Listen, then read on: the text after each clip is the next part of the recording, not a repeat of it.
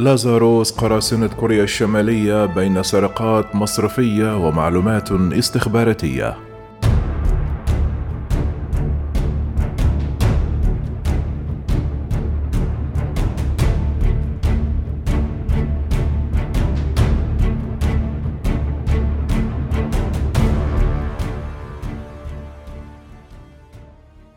حسب تقرير صادر عن شركة الأمن السبراني الدولية إيزيت فإن مجموعة القرصنة الإلكترونية الكورية الشمالية لازاروس تشن عملية تجسس إلكتروني واسعة النطاق منذ عام 2020 على مجموعة كبيرة من شركات قطاعي الطيران والدفاع في جميع أنحاء العالم. وتوضح عملية القرصنة هذه ما يليه نظام بيونغ يونغ من أهمية لتلك المجموعة من محترفي الجرائم الإلكترونية. وغالبا ما يتظاهرون بأنهم موظفون وباحثون عن عاملين لصالح شركات سلاح أمريكية أو لشركة الدفاع والفضاء البريطانية العملاقة. ويهدف هؤلاء الموظفين المزعومين إلى البحث عن الكفاءات عبر إغرائهم بالآفاق الوظيفية المربحة والمناصب الكبيرة. ولكن كل ذلك ما هو إلا عملية تمويه كبيرة. ففي الحقيقة ما هم إلا مجموعة من القراصنة الكوريين الشماليين الذين يسعون لسرقة أسرار صناعية من شركات الدفاع والطيران وفقا لإزت الشركة السلوفاكية المتخصصة في الأمن الرقمي في تقريرها الذي نشرته يوم الثلاثاء الموافق 31 أيار من مايو الماضي. هذه العملية التي كانت لا تزال جارية في شهر أذار مارس من عام 2022 وتقودها بيونغ يانغ قد تم اكتشافها بالفعل قبل عامين من هذا التاريخ حيث يقول جان إيان بوتان مدير أبحاث التهديدات السبرانية في إيزت أنه آنذاك كنا نظن أن الضحايا المستهدفين كانوا في الغالب في القارة الأوروبية. في الواقع تم استهداف العديد من الضحايا في معظم قارات العالم وتم تحديد البلاد التي يقومون فيها مثل فرنسا وألمانيا وإسبانيا وأوكرانيا وتركيا وقطر والولايات المتحدة والبرازيل. منهج العمل هو ذاته دائما والمفاجأة أنه يأتي من قراصنة يقيمون في بلد معزول عن العالم وعن الأدوات التكنولوجية الحديثة. هؤلاء القراصنة عادة ما يقومون بالاتصال بضحاياهم عبر الشبكة الاجتماعية المهنية لينكدين التي قاموا بإنشاء حسابات مزيفة عليها كما أنهم قاموا أحيانا بنسخ محتويات وصور من جلسات حملات توظيف حقيقية لكبرى الشركات الشهيرة عالميا وذلك لإثبات مصداقيتهم. بعد أول تواصل مع الضحية يقترح هؤلاء القراصنة الذين يعملون لصالح النظام الكوري الشمالي مواصلة النقاش في بعض الأحيان عن طريق تطبيق واتساب أو تطبيق سلاك. في البداية يظهرون الكثير من الود والصداقة، ولكن بعد ذلك يصبحون أكثر إلحاحًا. حسب كلمات جان إيان بوتان وهدفهم بالطبع هو إغراء الضحية بتحميل مستندات نماذج تقديم في وظيفة ما لملئها ولكنها تحتوي في الواقع على برامج خبيثة وبهذه الطريقة يمكنهم اقتحام خوادم شركات الدفاع أو الطيران التي يستهدفونها. لا يوضح التقرير الذي نشرته إزت مدى نجاح هؤلاء المتسللين في سرقة الأسرار الصناعية الدقيقة لكن حجم العملية وطول مدتها يشهدان على أهميتها في نظر السلطات الكورية الشمالية.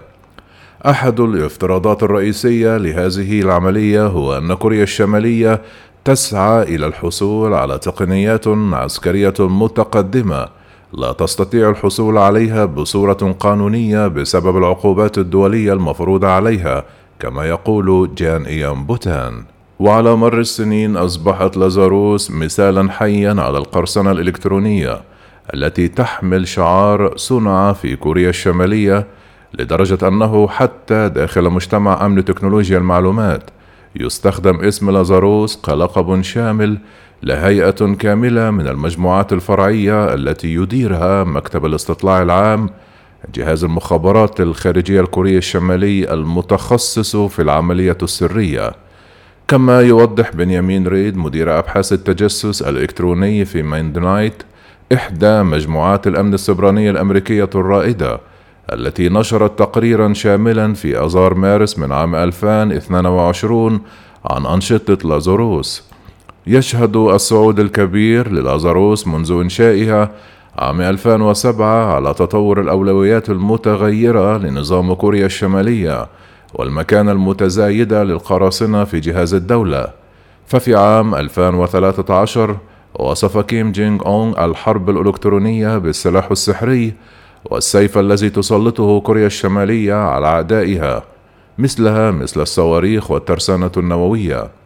كان ذلك قبل عام من قيام لازاروس التي كانت هجماتها السرية تقتصر في الغالب على أهداف في كوريا الجنوبية بعملياتها المدوية على الساحة الدولية من خلال اختراق قوادم شركة سوني بيكتشرز وكان الهدف من ورائها هو معاقبة بيونغ يانغ للأستوديو الذي أنتج فيلم المقابلة المتهم بالسخرية من النظام الكوري الشمالي. يذكر بنجامين ريد قائلا كانت لازاروس أول مجموعة من المتسللين الذين يستخدمون الاختراق الإلكتروني وسرقة البيانات من أجل ممارسة الضغط الجيوسياسي. وبتلك العملية كانت بيونغ يونغ تريد سحب فيلم المقابلة قبل إصداره.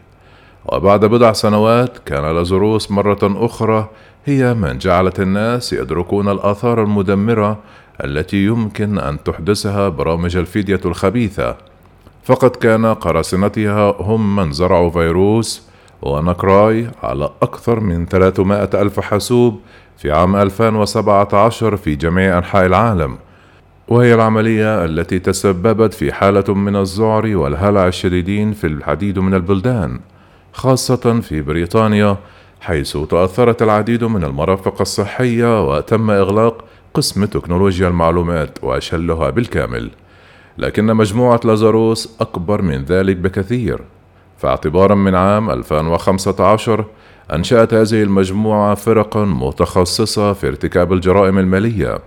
ويشير بروس كلينجر في دراسته حول التهديد السبراني لكوريا الشمالية إلى أنه بينما نجح المجتمع الدولي في كبح الأنشطة التقليدية غير القانونية مثل التزوير والإتجار بالآثار التي سمحت لبيونغ يانغ منذ فترة طويلة بجني المال. راهن نظام بيونغ يانغ أكثر من أي وقت مضى على مجرمي الإنترنت.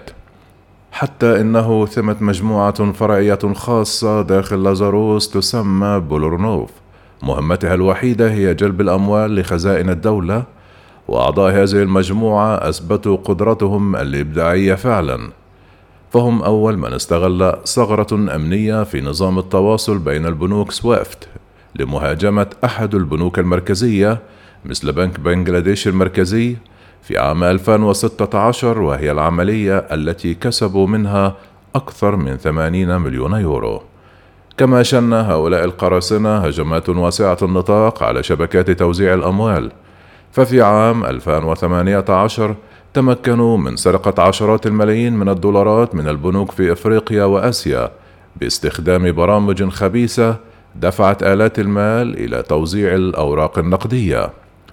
يلخص جون ديمرز النائب السابق للمدعي العام الأمريكي الوضع في عام 2021 بقوله أن لازاروس حولت كوريا الشمالية فعليا إلى أكبر سارق بنوك في العالم ثم تخطت البنوك إلى منصات تبادل العملات المشفرة. ففي عام 2018 تمكنت من نهب الموقع الياباني كوينشيك وجمعت أكثر من نصف مليار دولار. وفي نحو 15 عاما فقط من إنشائها تطورت لازاروس كثيرا من خلال تنويع الهجمات التي تنفذها واستهداف المزيد من الضحايا كما يقول بنجامين ريد. لقد أصبحت آلة حقيقية لكسب المال بصورة غير قانونية وأداة لمعاقبة أعداء كيم جونغ أونغ. ويقول جان إيان من الصعب معرفة العدد الدقيق للأشخاص الذين يعملون لصالح لازاروس لأن هناك الآلاف منهم. وفي عرض تقديمي في أيلول من سبتمبر من عام 2021 قدرت المخابرات البريطانية أن أكثر من ستة آلاف قرصان يعملون في هذه المجموعة ولا يعملون كلهم من كوريا الشمالية لأن الوصول إلى الإنترنت هناك محدود. وذلك وفقا لأجهزة المخابرات البريطانية فإنه يشتبه أن يكون للازاروس فروع في الصين وروسيا البيضاء وروسيا والهند وماليزيا. إذا فهي منظمة أخطبوطية ذات أذرع متعددة يحلو لأي شرير من أشرار أفلام جيمس بوند أن يديرها. بيد أن الاختلاف مع السينما هي أنها واقعية بالفعل وليس هناك جيمس بوند في الأفق.